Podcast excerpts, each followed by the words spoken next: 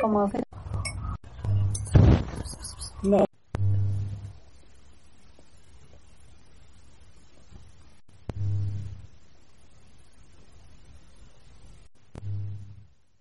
Bueno, bakaizo, ongi etorri koroko saio berri batera. Gaurkoan musika munduan sortzen diren zigil independienteak eta fanzineak aztertuko ditugu. Eta horretarako, Sara Rasinez eta Antoni Turbe musikariak gonbidatu ditugu. Biek euren praktika propioan jarduteaz gain, autoedizioan murgilduta daudelako. Bata Sarak e, kaseteekin eta kaseten autoedizioarekin eta bestea e, soinu, bueno, musika soinu fanzineekin jerai portillorekin batera.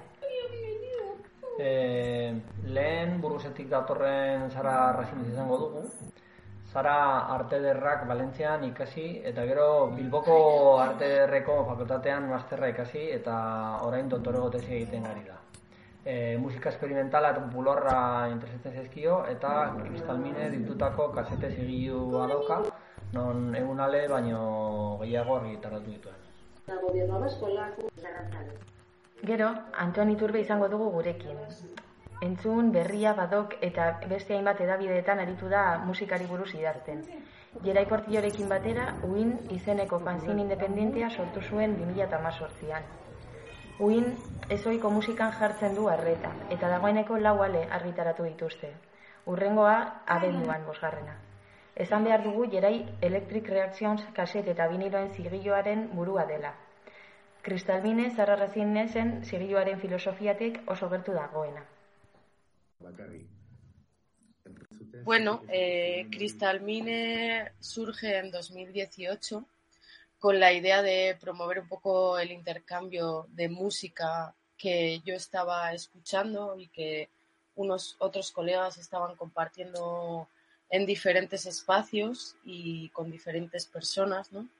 y sí que tenía como la idea de ser pues eso, un sello independiente y que, que partiera de proyectos que se basaban en la experimentación. Eh, digo en 2018, pero en realidad esta idea como que ya venía gestándose casi desde 2016, eh, puesto que yo estaba como organizando algunos festivales en, en Burgos y bueno, pues estaba conociendo también ese caldo de cultivo que, que a mí me, tanto me, me, llamaba la atención. Y lo que pasaba era que no, no encontraba la forma de, de, hacerlo tangible. Al principio pues sí que pensé que podía ser un NetLabel y que solo mm, eh, tendría que estar alojada la música en internet y demás. Pero bueno, eh, al final sí que es cierto que pasaron dos cosas. Eh, una fue que hice un viaje y encontré unas casetes en una tienda de segunda mano, entonces yo las compré, eran eh, un pack de, creo que eran 40 casetes de, de, una hora de duración y eran muy bonitas porque eran como verdes transparentes y con purpurina. Y yo me las llevé sin saber muy bien qué iba a hacer con ello, pero el caso es que me gustaron y, me las llevé. Y luego ya en 2017, creo que fue, um, conocí a una chica que se llama Sara de Umbría por, a través de Facebook y bueno, pues estuvimos hablando y resulta que teníamos un montón de cosas en común, puesto que éramos casi de la misma generación, habíamos escuchado las mismas canciones cuando éramos adolescentes y demás, ¿no? Entonces eh, decidimos hacer un álbum sin, sin conocernos eh, físicamente, ¿no? Entonces este álbum sí que es cierto que, que partía de, de, la plunderfonía. Y, y al final eh, no era la idea de como compartirlo con los demás, simplemente era una forma de conocernos ella y yo. Eh, pero vino a mi cabeza que yo tenía esas casetes de las que yo os he hablado anteriormente eh, guardadas en casa que no sabía qué hacer con ellas y entonces dijimos, ostras, pues, eh, pues quizá este es el momento de utilizar esas casetes y compartir lo que hemos estado haciendo durante este año. Eh, la cuestión es que eh, pues pasó otra cosa que finalmente nos invitaron a un congreso en Valencia para que lo presentáramos y demás. Y luego además eh, andaba por ahí Marina de, de la antigua Jan de Art Records, que ahora es editorial también, y ella se, se, ofreció para grabarnos el material en esas casetes, porque yo por aquellos entonces no tenía ni siquiera eh, pues eh, forma para grabarlo, ni duplicadora, ni nada. Y entonces, pues eh, al final como que se dieron una serie de, de, circunstancias para que todo esto pues naciera de alguna manera, ¿no? Y este fue la casete que Sara y yo hicimos, fue la, la 00 de, de Crystal Mine. Y, y, a partir de ahí dije, pues bueno, creo que es un año, ese 2018, en el que estoy viendo que gente muy joven como Marina, que os he dicho de Jan de Arc Records, y otras personas que me estuve encontrando en ese año, que están como apostando fuerte por la autoedición y por el casete, el formato casete. Entonces yo creo que, que bueno, pues puedo hacer por, por porque este proyecto finalmente eh, sea en casete y sea eh, un sello independiente. Eso es como, como nació un poco Crystal Mine.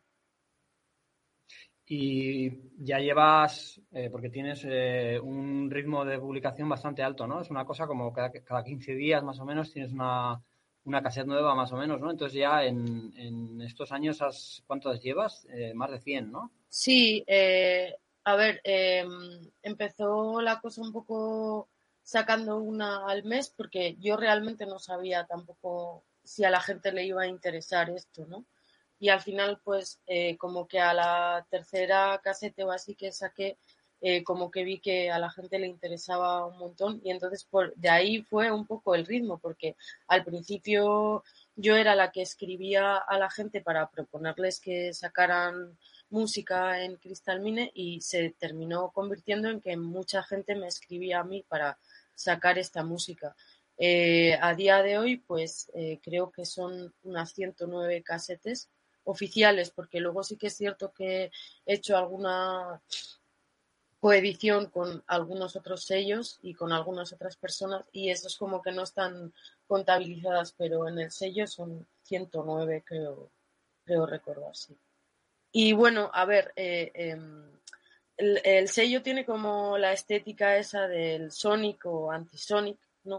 También por eh, aquello, en 2018 surgía como con mucha fuerza las teorías estas que tenían que ver con el aceleracionismo y demás.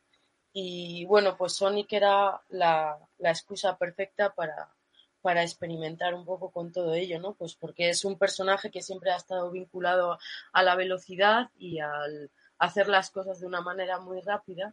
Y bueno, yo siempre también he dicho que, que, yo tenía como muchos conocimientos a nivel teórico, pero que nunca los había puesto en práctica. Y el sello era como también la excusa perfecta para, para ver qué es lo que pasaba, ¿no? Porque estaba manejando cosas como cuestiones como la del aceleracionismo, el anti-copyright, que eran como cosas que para mí se hacían se me hacían muy difíciles de comprender, porque estaba claro que lo que leía, pues a, nivel eh, teórico lo, lo, comprendía, pero es que luego cuando realmente empiezas a colaborar con gente y a relacionarte con gente que igual no está tan acostumbrada a ciertas historias, pues ahí surgen como fricciones que constantemente tienes que resolver. Y, y, gracias a Crystal Mine, pues esto ha podido irse soluciona, bueno, no sé, porque realmente cada, cada cosa que pasa es diferente y tienes que enfrentarte a diferentes cosas a diario, ¿no? Pero bueno, se van resolviendo y aclarando algunas cuestiones. Bueno, orain entzungo dugu eh, Dumi eh, izeneko abestia, platak, eh, platak artistak eh, gradutakoa, bere albuna, albuna ditzen da Ego Trip eta Kristal Mine erritara du. E, em, platak, e, azken aldian Pedro la Droga, Bad Gaial, edo eta Rit Latef eta Glot talde ingleseekin batera lan egin du. Circadian Rhythms, Black, Black Ink eta Crystal Mine ziguiokin argitaratu du bere musika.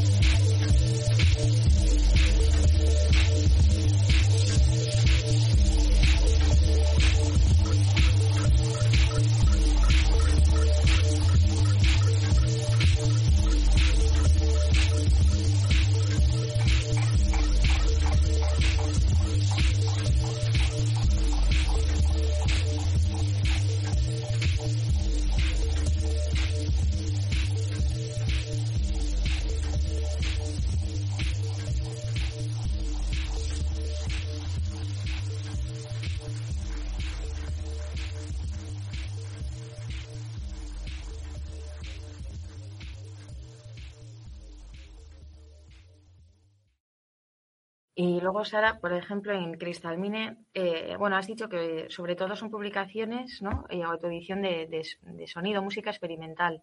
Y no sé, dentro de esa experimentación, ¿qué tipo de, o sobre todo, si hay alguna rama que publiquéis más o es más un poco, no sé, si de todo?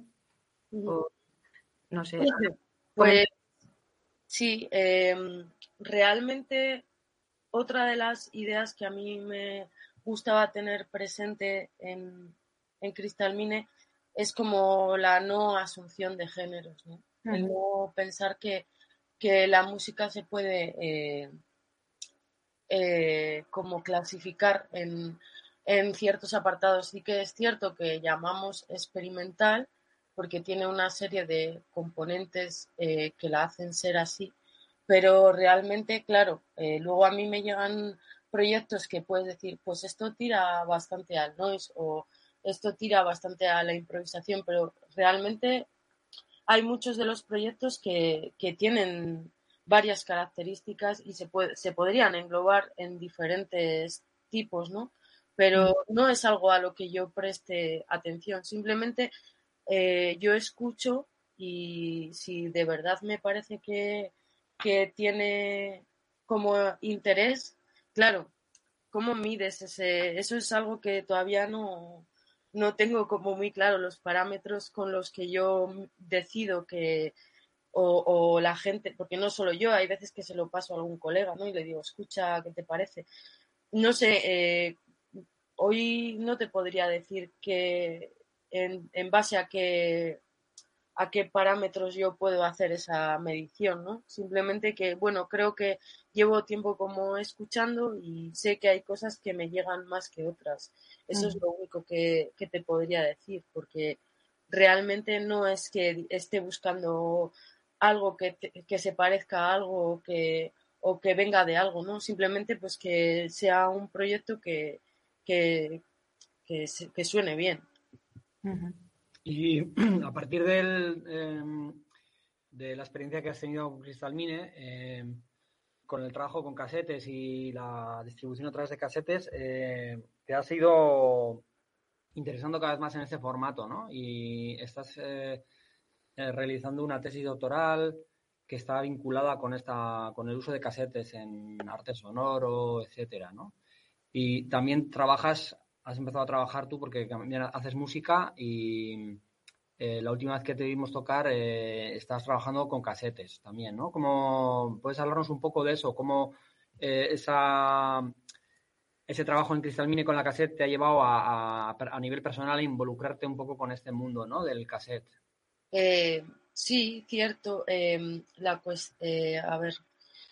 Em, a ver, todo esto como que al principio yo no daba como demasiada importancia por el hecho ese que os comentaba antes de que no sabía si le iba a interesar a, la gente o no y que una vez que ha pasado bueno, porque Cristalmine justo este año cumple cuatro años, ¿no? Entonces en cuatro años sí que ha dado como tiempo a establecer un recorrido y ver un poco cómo pues qué es lo que la gente veía en ello y si la gente mostraba algún tipo de interés. Entonces, claro, ya yo esto sí que lo vi ya cuando pasó el primer año, ¿no? Que, que realmente había un interés, que había mucha gente involucrada en esto y que me parecía que tenía el interés como, como así a nivel colectivo fuerte de, para poder trabajar sobre ello. Entonces, bueno, pues una de las primeras cosas que empecé a hacer eh, pues aparte del sello, fue dar talleres de, autoedición de,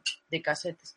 Entonces, eh, bueno, ese fue también otro, otro punto que me llevó a, ver que realmente pues eh, sigue siendo un formato vigente y que, y que se puede trabajar mucho más sobre él a pesar del tema de, de la de la continua nostalgia, ¿no? A la que se vincula el casete. A mí el tema de la nostalgia, pues me parece que es algo que va con ello, porque es intrínseco a ello, ¿no? Porque bueno, este año también se cumple el 60 aniversario de, la primera casete que Philips comercializó con Lou Ottens. Eh, bueno, han pasado 60 años, pero realmente eh, tú hablas con gente y hay gente que te dice que que eso ha muerto, pero yo estoy viendo lo contrario, ¿no? Que está más vivo que nunca. Obviamente no puede competir con, soportes como el vinilo y con, otras historias que ya conocemos, pero realmente eh, pues sí que hay un sector de gente que lo sigue conservando y que sigue haciendo como su trabajo con él, ¿no? Entonces, bueno, a raíz de, de esos talleres y de acudir a un montón de ferias de autoedición y ponerme a hablar con gente de qué es lo que está pasando con, la autoedición, con el casete. Eh, luego también eh, otro hecho es que no solo me invitaban como de ferias de autoedición, sino que me han invitado de algunos museos, eh, como puede ser el Reina Sofía o, o el Museo Fostel de Malpartida, a hacer intervenciones y he dicho, pues ha llegado un momento en el que he dicho, ostras, pues esto tiene como bastante historia como para, trabajar sobre ello, ¿no? Realmente estamos viendo cómo la casete se está eh, como diversificando en diferentes historias, igual a nivel más de calle o underground, en, este tipo de espacios que son como como las ferias eh, y luego por otra parte sí que está pasando algo en el museo eh, realmente muy a, tamaño como muy reducido, ¿no? Porque realmente eh, no es que, muchos de los museos de los que estamos hablando tengan muchas piezas de casete en su colección, a no ser que tengan que ver con, con, gente como Fluxus o La Montellón que han hecho ediciones así como especiales y este tipo de museos las han acogido. Realmente un poco la tesis también surge, la idea de, de ponerme a trabajar en esta tesis es eh, ver esos dos mundos ¿no? que conviven y que, son igual un poco más los que tienen que ver con la institución y los que no tienen que ver con la institución, aunque luego todos sabemos que también hay mezclas ahí entre, entre este tipo de, de historias que suceden pues por ejemplo las ferias que igual te pueden ser más independientes, igual te las puede acoger el Centro del Carmen de, de, Valencia, como es la feria de Tenderete que va a pasar en enero. ¿no?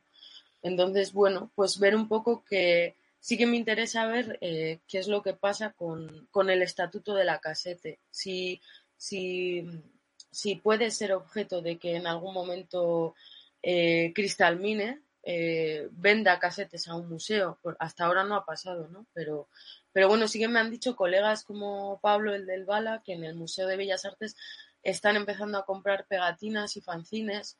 No sé, igual es un momento en el que también ver un poco qué es lo que está pasando y por qué este tipo, el museo ahora de repente se, se, interesa por este tipo de, ediciones mínimas, ¿no? bueno, mínimas eh, porque se llaman así, pero a mí no me parece mínima. Que eso es otra cosa también que quiero tratar un poco en la tesis, ¿no? Que realmente eh, si un casete puede ser en sí una obra de arte, que yo pienso que sí. Entonces, pues bueno, ver un poco qué es lo que, lo que está pasando en la actualidad eh, con, con este soporte. Sika, Rusiatik datorren artista da. E, eta berak, e, bueno, sarak e, proposatzen digu regret bere abestia, e, albuma hollow deitzen da, eta kristal minek e, eta genom e, 6.66 mbp ai, argitaratua da. E, beno, esan bezala, Rusiatik dator, artizau, ekofuturism, kop eta metavisionen bidez atera ditu bere azken e, materiala.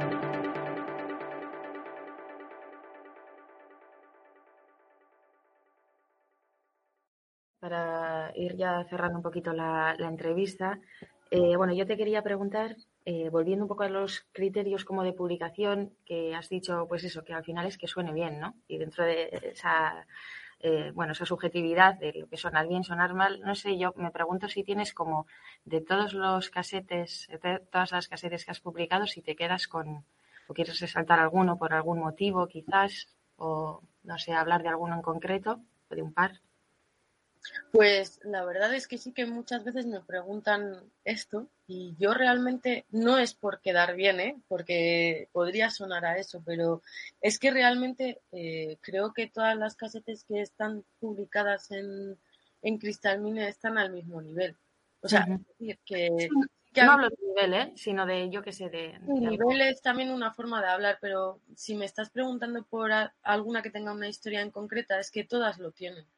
Eh, con todas han pasado cosas y con todas eh, el trato de las personas y eh, que te puedas involucrar más o menos en, esa edición porque el artista lo tiene lo ha tenido más claro igual te ha dejado como pues unas consignas así como más marcadas de esto tiene que ir en el artwork o esta tiene que ser realmente no es que pueda hablar de, ninguna de ellas en especial todas han tenido una vida, ¿no? Entonces tampoco, no, no podría decir. Y una cosa que, bueno, a mí personalmente me parece bastante interesante es cómo em, a través de la de publicar a, toda esta gente, ¿no? Porque son 100 cassettes, ¿no? Y luego las ferias, etcétera, cómo se está creando como una especie de redes entre diferentes sellos de, publica de, de autopublicación, etcétera, ¿no? Sí, eh, eso es como, me parece la parte más bonita de, del acudir a las ferias, porque realmente muchas veces, eh, a ver, eh, yo no vendo más en una feria, quiero decir que yo tengo como, pues todo el mundo conoce que, la, que las casetes de Crystal Mine salen cada 15 días y ya hay gente que, que compra el viernes, siempre salen en viernes, ¿no? Entonces, casi todas las ventas que yo puedo hacer es más por Instagram y por por, internet, ¿no? Que, y luego pues las tiendas de discos que últimamente se han interesado en, en Crystal Mine. Realmente las ferias eh, lo que hace es como eh, que llevarte a conocer otros proyectos que de otra manera igual no los podrías conocer porque es estando ahí, ¿no? Y el, el permitiendo que, que pasen esas, que sucedan esas sinergias con, con otros sellos y también un poco pues eh, yo tengo un poco de. Últimamente estoy pensando en que no me gusta mucho la, idea de, sello en sí. Eh, porque, bueno, he visto en estos cuatro años como muchas. Muchos sellos que lo son como a un nivel mucho más eh, mayor que Crystal Mine, ¿no? O más profesional o como se quiera decir. Y no me ha gustado mucho el, la forma de proceder que tienen, ¿no? Y la competitividad y, todas esas historias que, no me gustan nada. Eh, que obviamente son lo que es lo que hay, no, no puedo decir que pues que hay muchos sellos que se dedican a ello y viven de ello y entonces es normal que sucedan cosas. Entonces, bueno, pues para mí Crystal Mine siempre ha sido o he intentado que sea otra cosa y lo que me, siempre me ha gustado mucho es como colaborar y, conocer como otras personas, ¿no? Y de ahí las coediciones y de hecho ahora pues va a salir una coedición con, series negras que, series negras están ahí Chesney y, Amsia y bueno pues eh, a mí me parece como como el dejar también constancia de, de esas eh, relaciones con, con, otros sellos me parece que es como también una, una labor que, una de las labores que tiene que hacer un sello también, de estas características. Bueno, pues ya tenemos que ir acabando. Eh, nada, eh, muchas gracias por, por, tu tiempo. que ricasco. Muchas gracias a vosotros por la invitación. Amaitzeko, eh, Sarak eh, proposatu du 80% baul eh, artisten purpura abestia. Eta, bueno, abesti hori eh, elegantz eh, albunetik dator, kristalmen e, e, argitaratutakoa, eta Bartzelonako artista eta ekoizlea da, bere zigioaren buru, buru da, Amon Records ditua, eta e, horretik aparte, Los Jolos bandan jotzen du.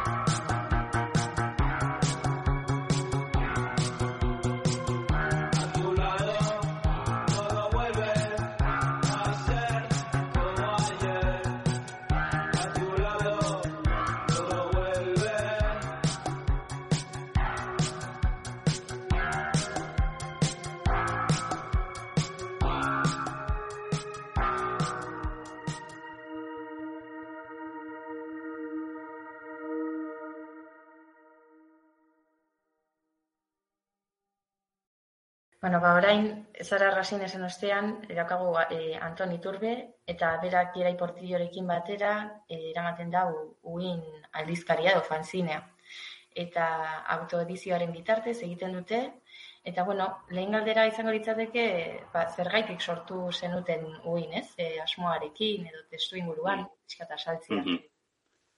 Vale, vale, bueno, eh, a ber, historia pixat aurkezpenetan eta beti kontatzen dugu berdina, baina, bueno, mm, bueno, historia azten da berez, e, jerai eta biok elkar ezagutzen dugunean. E, eta izan zen, bueno, niko gorat, bueno, goratzen dut, mugako festibagotetan e, parte hartu zuen behar, e, DJ moduan, eta ni ikusten ari nintzala, ikaragarri utzatu zitzaidan bere, bere sesioa. E, eta pentsatu nun, e, musika industrialura eta elektronika, eta eraberean Mikel Laboa erdian sartzea, eta guzti hori nasketa horrea utzi zidan nahiko utzi nindun hau beti hortz, ez, esaten duan bezala, ezta? Eta, eta une horretan, bueno, pentsatu non, zaki, berarekin kontaktatzea, nola baita edo, ez? Eta, e, izan bertan izan, gero beranduago, bastakit, ba, Facebook bidez, edo bako zer bidez, ba, kontaktuna jartzen hasi ginean, eta uste, bai,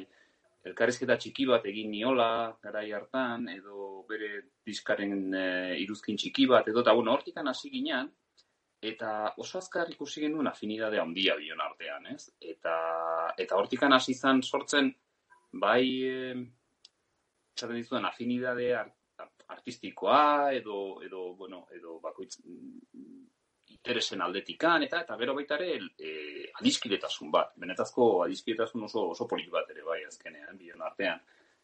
Eta, eta beno, ba, ba, siginen horre erlazio horretan, eta pixkanaka gerozta gauza gehiago elkar aldatzen bilon artean, ba, ez da oso ondo noiz eta zeinek, baina momentu batetan, bai, okurritu zitzaigun, edo, behar bada, komentatu genduen bio batera fanzin bat egitearen ideia, edo fanzinen munduaren inguruan komentatzen, eta hor nun bain uste sort, kasi, bio batera esan gendula joan, eh? beti pentsatu izan dut fanzin bat egitea usatuko litzei dakela jo, ba, niri bai, eta eta horrela sortu zen, tontamente, eta zeratik ez dugu jartzen ba, fanzin bat, ez? Eta zeratik ez dugu, ba, ez da inzai azkenean, ez da, jo, ba, ez, ez, animatu gaitezke eta zergatik ez, ez? Eta, eta bueno, hola, hola, pixate, tontamente esatetan bezala, baino bai, eta ilusioz, ilusio sartu genduen, eta hasi ginen, eta, eta, eta dera genuen, ez? nik uste dut hor, momentu horretan, e, uin martxan jartzearen e, arrazoia, edo, bilok ikusten genuna baizan nola baiteko utxune bat, ez? Usentitzen genuen utxune bat, mundu elektroniko experiment, hasi baten gehien bat, ba, elektronikak e, elkartu gindun bioi, eta hortikan hasi ginean, ez? Elektronika munduaren inguruan, ez? Gero, beste dozen, beste mila estilotara zabaldu izan gera, ez? Baina, bueno, e, elektronika eta eta mundu esperimental horretan baina baritzen genuen nolabait utxune bat e, publikazioan aldetikan eta bai aldizkari moduan edo web moduan edo baino ez genuen ikusten bat ez gure inguruko artistei buruz eta gure inguru ez genuen ikusten holako eta ikusten genuen utxune utxune moduko bat eta eta agian pentsatu genduna momentu horretan izan zen, bueno, eta espaldi dago zergatik ez dugu guk egiten. Faltaban, edo, nabaritzen dugun utxune hori, zergatik ez dugu betetzen. Zergatik ez. Saia, ez den, eta, bueno, haber ateratzen dan, eta, eta horrela, e, horrela hasi ginen, horrela hasi ginen, eta horratera zen win zero deitu genduena, Hau izan zen, hori, lehen gainea repasatzen dugu naiz, ez nintzen ziur, bi mila emez sortzi inguruan edo, e, hasi ginean.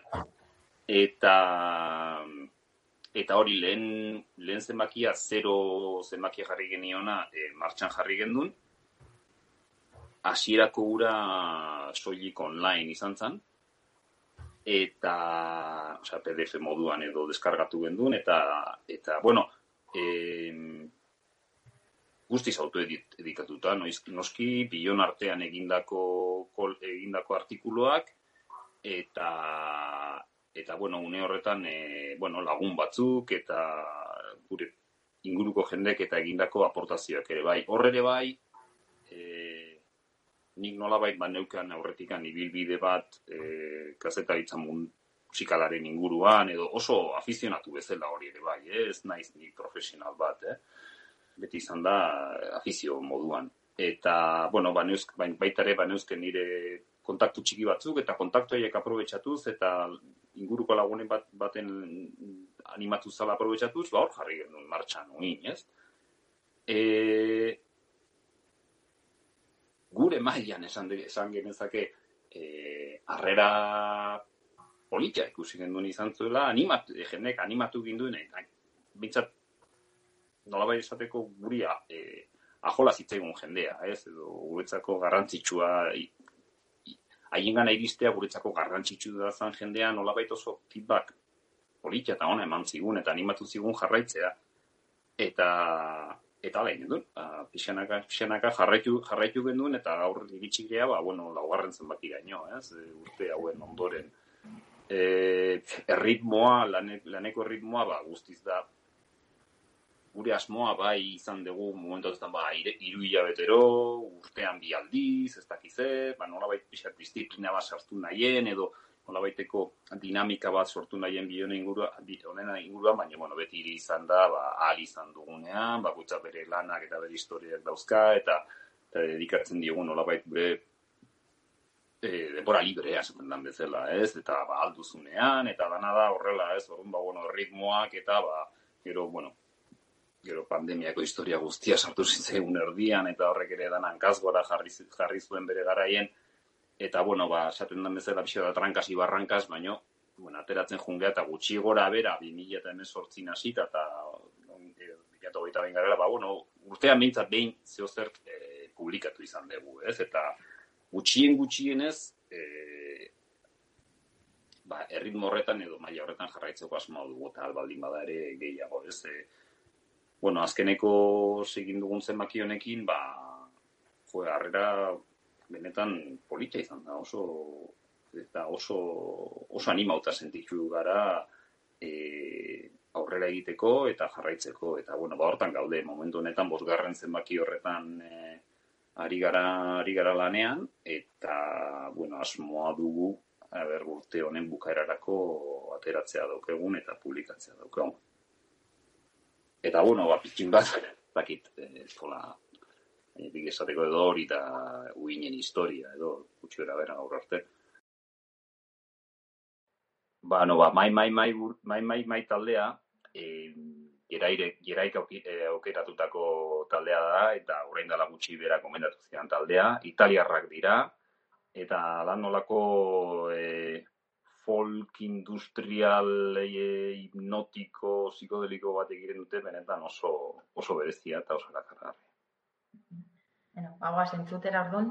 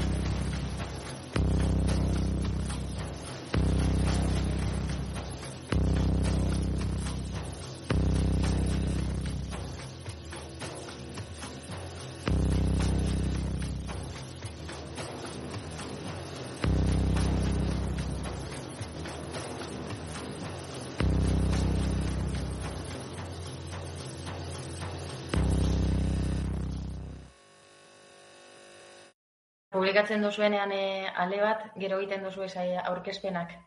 Bai, bai, hori da, hori da, bai, bai, eta batez ere ja azkeneko zenbaki honekin e, jarri dugu martxan gehiago dinamika hori, berriz ere aurretik din, e, pandemiako arazoare geneukan horrelako gauzak egiteko eta gehien bat azken zenbaki honekin animatu gara.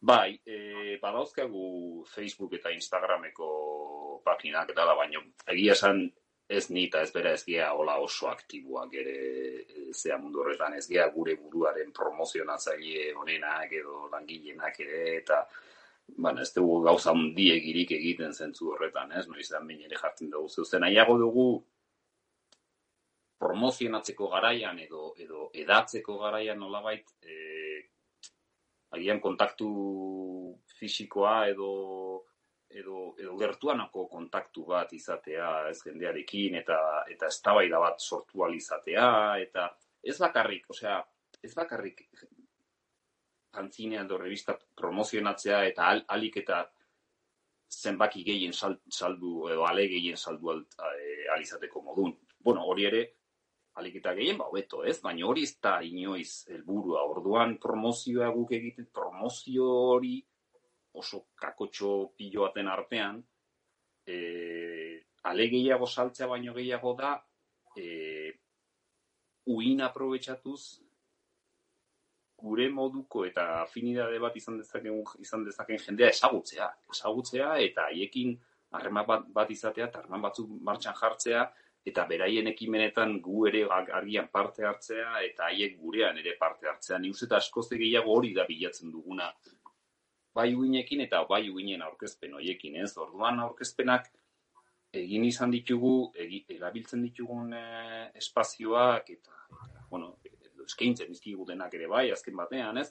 E, bueno, ba, liburutegiak, e, e, gero, ba, espazio autogestionatuak, eta, bueno, horrela, e, eronetako e, lekuak izaten dira, ez? Egin izan dugu e, anti-liburu dendan Bilbon, e, egin gendun e, Eureka e, Asoziazioan edo Santanderren, e, gero baita e, Darkajet e, klub edo tabernan edo zean e, gazteizen ere gendun beste orkesten bat, agero ere Flappersen getxon ere bai, e, liburu dendan, eta Darkajetekoa izan zan pixka berezie, e, zeren, bueno, jerai aspalditik ere DJ, DJ da, eta musikari sortzaile ere bada, ni ez nahi sortzaile ez da gutxi hori ere.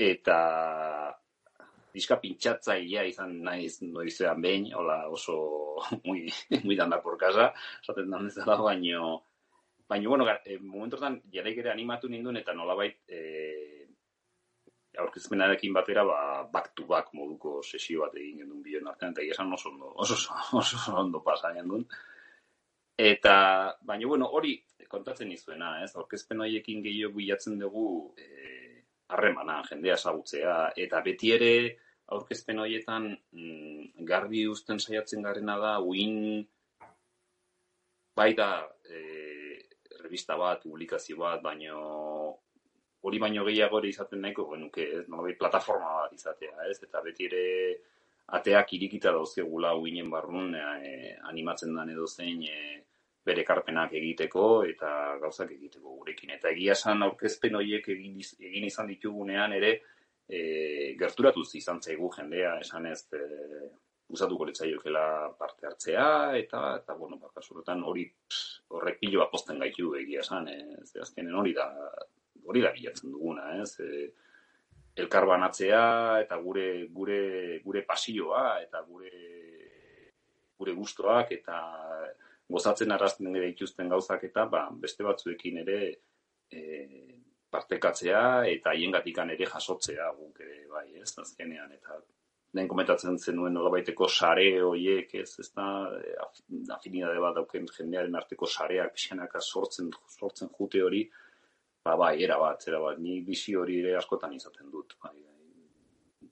bai ze hori, e, zararekin, zara razinezekin e, ere, e, aipatzen genuen ideia bera, ez da? Bera bai. dauka e, izalmine zigilua, baina eta bata da musika zigilo eta bestea da fanzine, ez da, baina um, antzikotasun bat e, ikusten dugu eta da nola dira biak e, ez direla produktu komertzialak eta e, oso oso askotan az, e, interesgarriena dela ez bakarrik e, edukia o, interesgarria dela bai e, musikan bere kasuan eta zuen kasuan e, artikuluak baina atzean dagoen e, sortzen den e, sortzen diren konexioak eta harremanak, ezta? Oso oso garrantzitsua direla.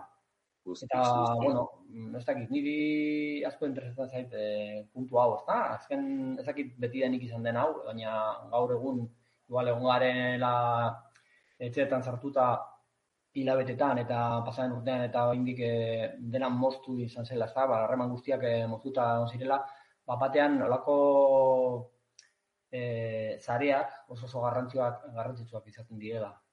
Bai, bai, era bat, eh? Guzti zagoz nago zurekin gainea gogorarazi didazu ere bain eh beste aurkezpen bat eta de hecho lehen aurkezpena egin genduna azken zenbakiruna izan zala mataderoan azkoitian. Eta hor gainea oso, jo, gainea hori izan zan poli, kasi politena, ez, e, festa moduko bat egin gendun, e, ba, bai kolaboratzaiekin eta lagunekin batera, e, eta e, emankizunekin, e, zuzeneko edo DJ moduko emankizunekin, eta haien artean gainea Sara Rasinez izan zan gurekin, e, DJ, bueno, ez live, live sesio bat egin zuen, live sesio bat egin ez zoragarria gainera, eta bai, noski, noski Sara Rasinezekin e, aspaldik, aspalditik da oke zorran gurekin e, artikulo bat egitea, beti izaten digo egin nahi duela, eta ez du baina egingo digula, egingo digula, eta noski baietz e, Sara Rasinesekin afinidadea handia daukago. Eta bai, nik ere osantzekoak ikusten ditut, e, edukiak desberdinak dira, bai, batek musika, musika ekartzen du, beste batek artikuluak, ezta?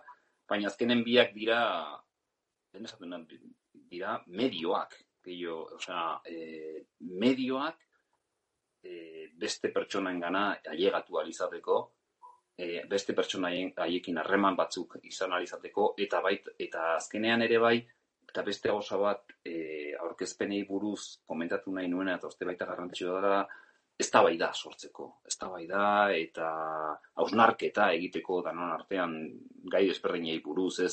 Beti ere, e, aurkezpenak egiten ditugunean, e, guretzako oso oso garrantzitsua da aurkezpen horietan, e, alde batetik ezagutzera ematea uin, uin proiektua, baina era berean beti saiatzen gera planteatzen kolokio moduko bat edo eztabaida bat bai jundan e, bertan dagoen publikoarekin irekiz pixkat e, gu saiatzen gara e, gai bat edo beste sort e, ateratzen baina e, ekartzen baino beti ere ba bueno espontaneidade osoan ateratzen diren gauzekin eta ere ba eztabaida sortzea. Eta egia esan oso eztabaida politxak eta interesgarriak sortzen dira beti ere agian hasten gera ba, autoedizioaren mundu horretatikan eta eta pixkanaka pixkanaka oso refleksio eta ideia politxak ateratzen dira eta hori nitzako oso elementu garrantzitsua da e, uinen proiektu guztian.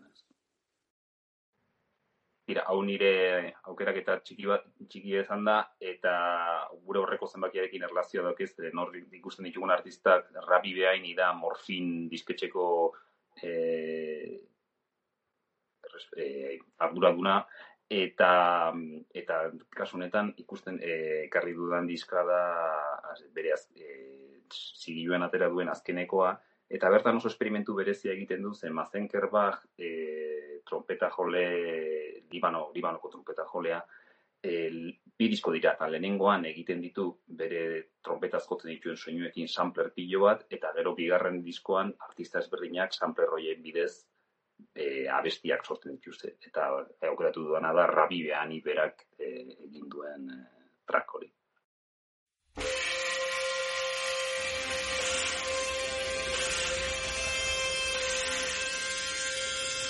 Well,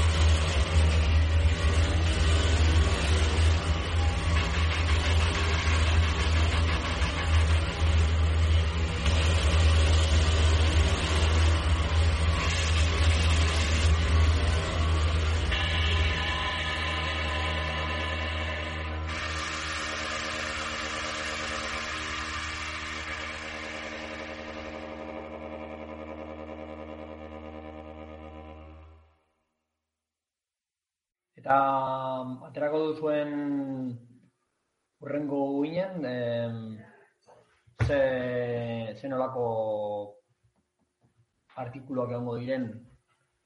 Bueno, ez dakit, eh, primiziak ematea. bueno, a ver, lasai. Berezik dagoen momentuz, momentuz eh, lanen ari garrena eta dozkeun ideiak mm, esan ditike linea antzeko bat jarraitzen dutela e, eta antzeko horrekin esan nahi dut e, bueno, artista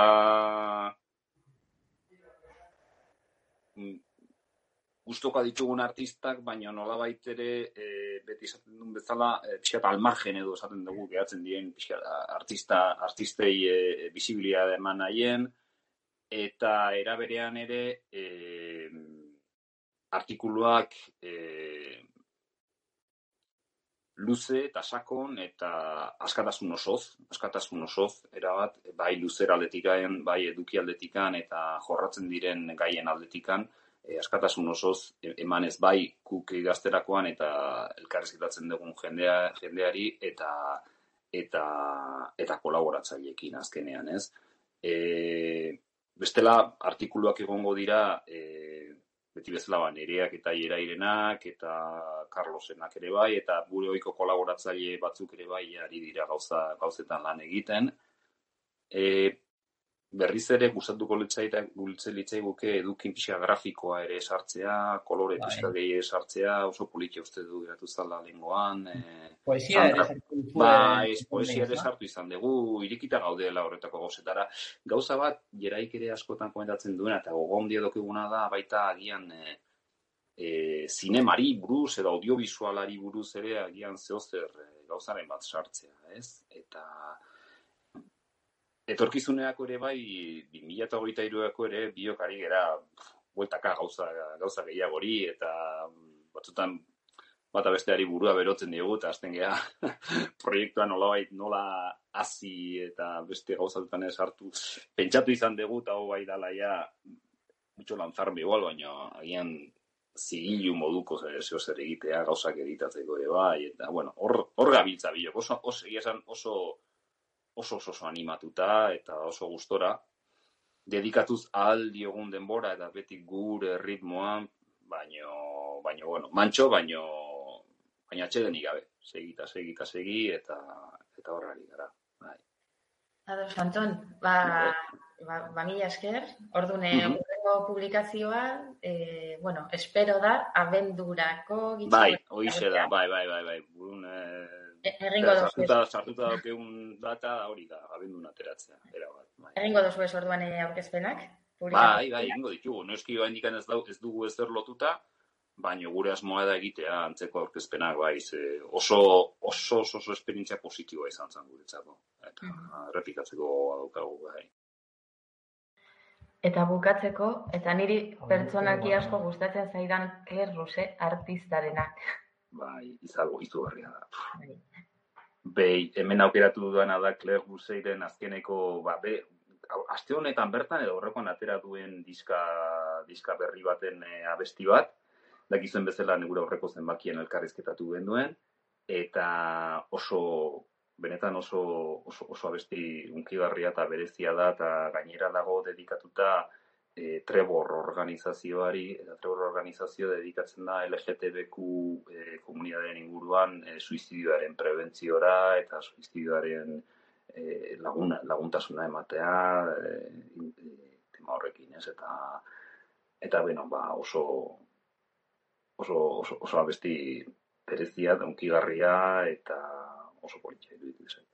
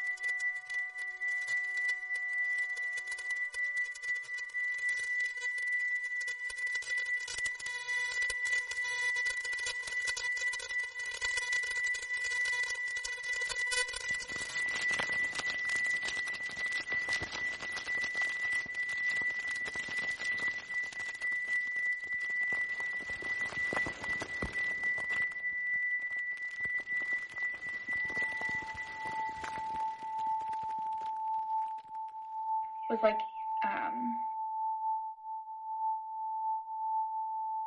um, it's very normal. I'm okay. Every day is not great. I don't really know what the term would be.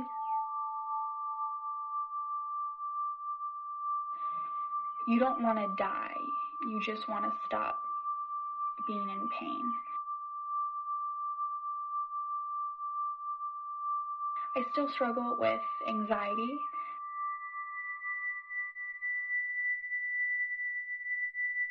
Go back to sleep and this is not going to get better. I'm going to feel like this forever. What's the point of living?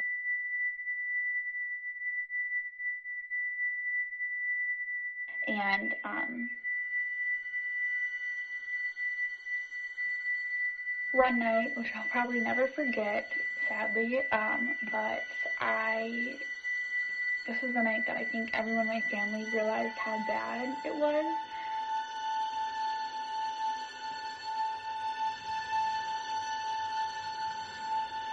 The big intersection, and we were turning left, so we got uh, like a green arrow.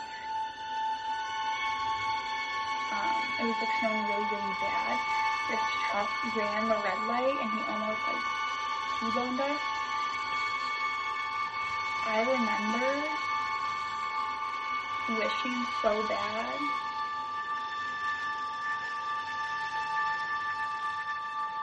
I remember wishing so bad that that would have happened because then I wouldn't have to be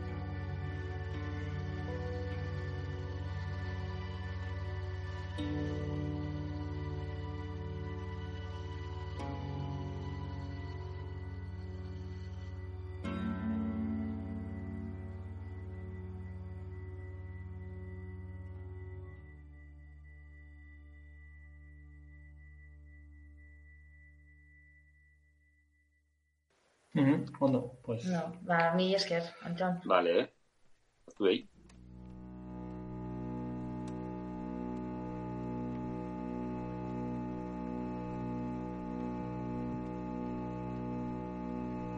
Judizio generalaz nola horit ez dira.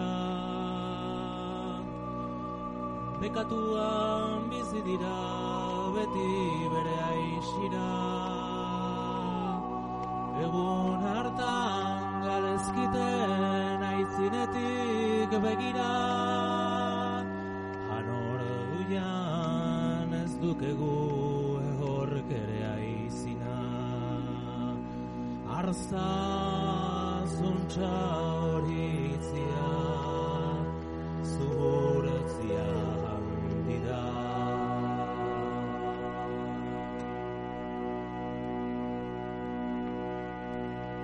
Manamendu igorten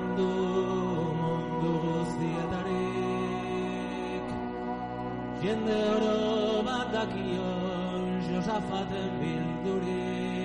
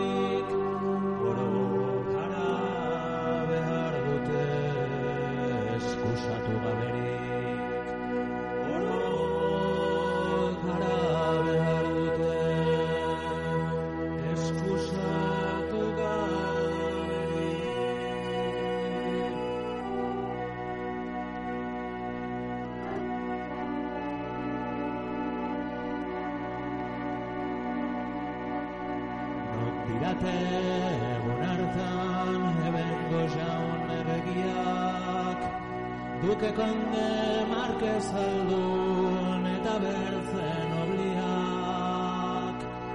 Eta haien armadako gizon sendoen